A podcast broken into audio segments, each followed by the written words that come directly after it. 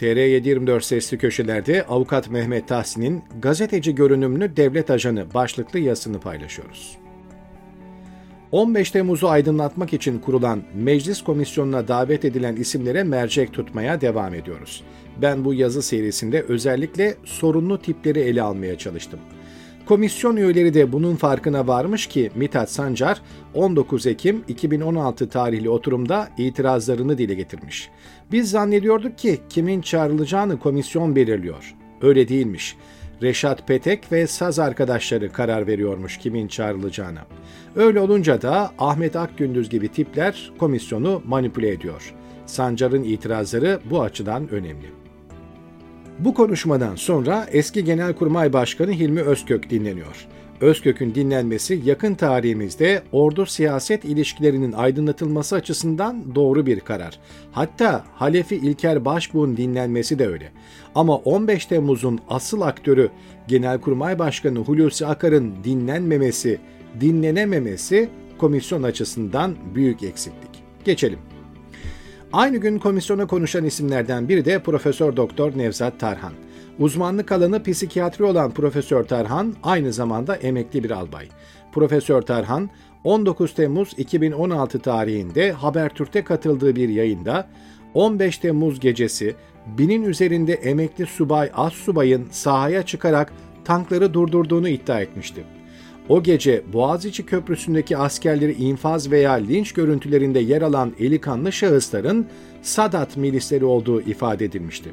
Tarhan o gece canlı yayındaki konuşmasıyla sahadaki elemanlarını ifşa etmiş oldu. Hatırlarsanız 2021 yılında Sedat Peker'in gündeme getirdiği isimlerden biri de Nevzat Tarhan'dı. Peker onu Sadat'ın gayri yasal tüm işlerinin bir parçası olarak tanımladı. Ancak Tarhan, Sedat Peker'i yalanladı ve Sadat'la herhangi bir organik bağlantısı olmadığını iddia etti. Ancak Peker affetmedi ve herkesin kolayca ulaşabileceği Ticaret Sicil gazetesi kayıtlarını yayınlayarak Nevzat Tarhan'ın yalanını yüzüne çarptı. Bu kadar kolay yalan söyleyen birinin tanıklığına güvenilir mi? Siz takdir edin. Profesör Tarhan tezlerinin inandırıcı olması için komisyona şöyle bir olay anlatıyor. 2014'ün Mayıs'ında Gazeteciler ve Yazarlar Vakfı'ndan Erkam Tufan Aytav'ın kendisini ziyaret ettiğini, bu ziyarette kendisinin Aytav'a eğer üzerime gelirseniz hava kuvvetlerinde pilotlar arasında %60-70 sizin bağlantınız var, bunun hepsini ifşa ederim, anlatırım dediğini naklediyor. Erkam Tufan Aytav'ı aradım ziyareti doğruladı ama Nevzat Tarhan'ın anlattıklarının tamamen yalan olduğunu söyledim. Kaldı ki yukarıda da gördük, hoca çok rahat yalan söyleyebiliyor. Böyle birisinin hangi sözüne itibar edilebilir ki? Bir şey daha söylüyor. TSK'da Gülen cemaatiyle irtibatlı olduğunu düşündükleri isimlerin listesini bir dosya halinde ilgili makama teslim ettiklerini söylerken fişleme yaptıklarını da ağzından kaçırmış oluyor. Ona göre 15 Temmuz sonrasında tasfiye edilenlerle kendi verdiği liste büyük ölçüde örtüşüyormuş. Burada bir parantez açmakta yarar var. 15 Temmuz sonrası tasfiye edilenlerin kahir ekseriyeti darbe girişimine katıldığı için değil, olmayan örgüte üyelik suçlamasıyla tasfiye edildi. Bu listelerin oluşmasında da Nevzat Tarhan gibi bir önceki yazıda bahsettiğim Ahmet Zeki Üçok, Mustafa Önsel ve Perinçek'in parti üyesi emekli general Soner Polat gibi isimlerin katkısı var. Nevzat Tarhan'ın sahada binin üzerinde adamımız vardı dediği programa da Soner Polat'la beraber katılmış olması belki tesadüftür. Çok çarpıcı bir örnek de önümüzdeki günlerde yazmayı düşündüğüm Gülen cemaati itirafçısı, iftiracısı Doktor İhsan olarak bilinen Hasan Polat'ın isimlerini verdiği 47 subaydan sadece ikisinin 15 Temmuz akşamı görevde olduğu hususudur. Bu demektir ki on binlerce insanın hayatı darbecilikten değil, cemaat iltisaklı olması nedeniyle karartıldı.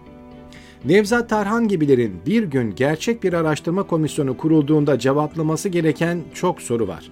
Şimdiki gibi çanak sorular olmayacak.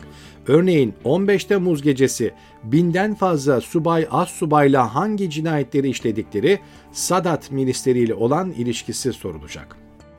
Sedat Peker'in derin Mehmet'i, eski İçişleri ve Adalet Bakanı Mehmet Ağar komisyona konuşan isimlerden biri. Bülent Korucu'nun tabiriyle derin devletin santral memuru Mehmet Ağar'ı meclis hangi gerekçeyle çağırmış? Faili meçhul cinayetlerdeki rolü mü? Susurluk kazasıyla ortaya saçılan kirli ilişkilerin göbeğinde olması mı? Sedat Peker'den öğrendiğimiz icraatları mı? Bilemiyoruz.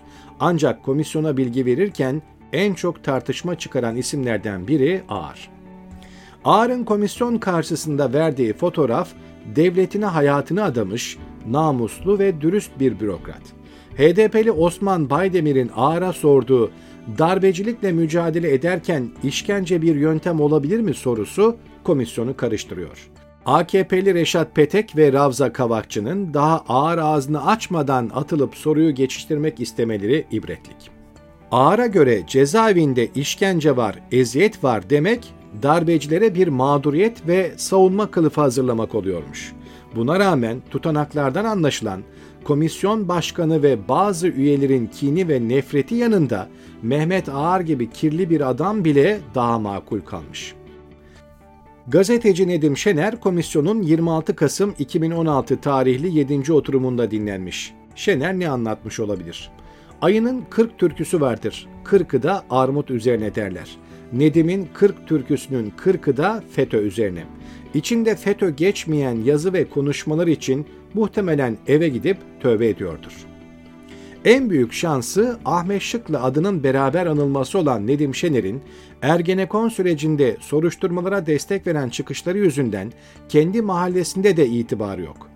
Bugün kapısında gönüllü bekçilik ve tetikçilik yaptığı Erdoğan'ın kendisini hapse götüren süreçte sarf ettiği bazı kitaplar vardır ki bombadan daha tesirlidir sözlerini çoktan unutmuş. Bütün derdi sonradan dahil olduğu Ergenekon çetesini aklamak için Hablemitoğlu, Hrant Dink ve zirve cinayetlerini cemaate yıkarak aynı zamanda kendi çetesini aklamak. Bu yüzden böyle bir ucuz tetikçiye daha fazla yer ayırmaya gerek duymuyorum. Merak edenler komisyon tutanaklarına bakabilir. Onu daha iyi tanımak için Bülent Korucu'nun yazdığı Nedim Şener portresini mutlaka okuyun. Bugünkü yazının son konuğu Nedim Şener'in muhafazakar versiyonu Hüseyin Gülerci. Gülerce'nin komisyonu anlattıkları 2014 yılından itibaren savcılıklarda veya mahkemelerde verdiği ifadelerinin tekrarından ibaret. Örneğin zamanın bütün haberlerinin Fethullah Gülen'in kontrolünden geçtikten sonra matbaaya gittiğini, Ali Bulaç'ın, Mümtazer Türköne'nin, Ahmet Turan Alkan'ın yazılarını Gülen'in onayladığı yalanını anlatıyor.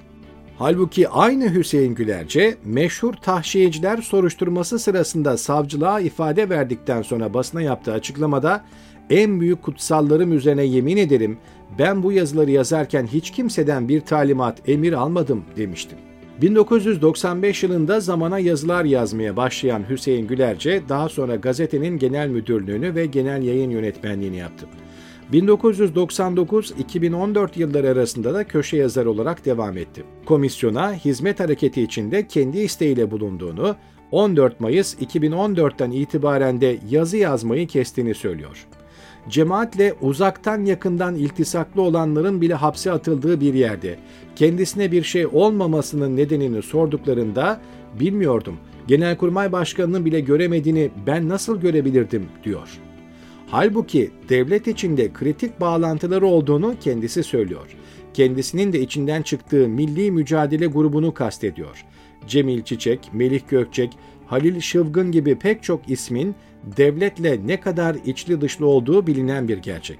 Gülerce'nin de devletle ilişkisi olması gerekenin ötesinde. Cem Küçük'ün 2017 yılında yazdığına göre Gülerce her zaman devletin yanında yer almış ve Fethullah Gülen'le ilgili devlete düzenli bilgi aktarmış. Özellikle 7 Şubat 2012 MIT krizinden itibaren resmen devlete çalışıyormuş. Gülerce bu yazı yayınlandığı zaman Cem Küçük'ü yalanlamadığı gibi iki hafta sonra yazdığı bir yazıyla Küçük'e destek de vermişti. Konumuz Gülerce'nin marifetleri olmadığı için burada kısa kesiyorum. Fazlasını merak edenler için başarısız bir çökme hikayesi başlıklı yazının linkini bırakıyorum. Sonraki yazı Kızılay eski başkanı Kerem Kınık, FaceTime Hande, Lokman Ertürk.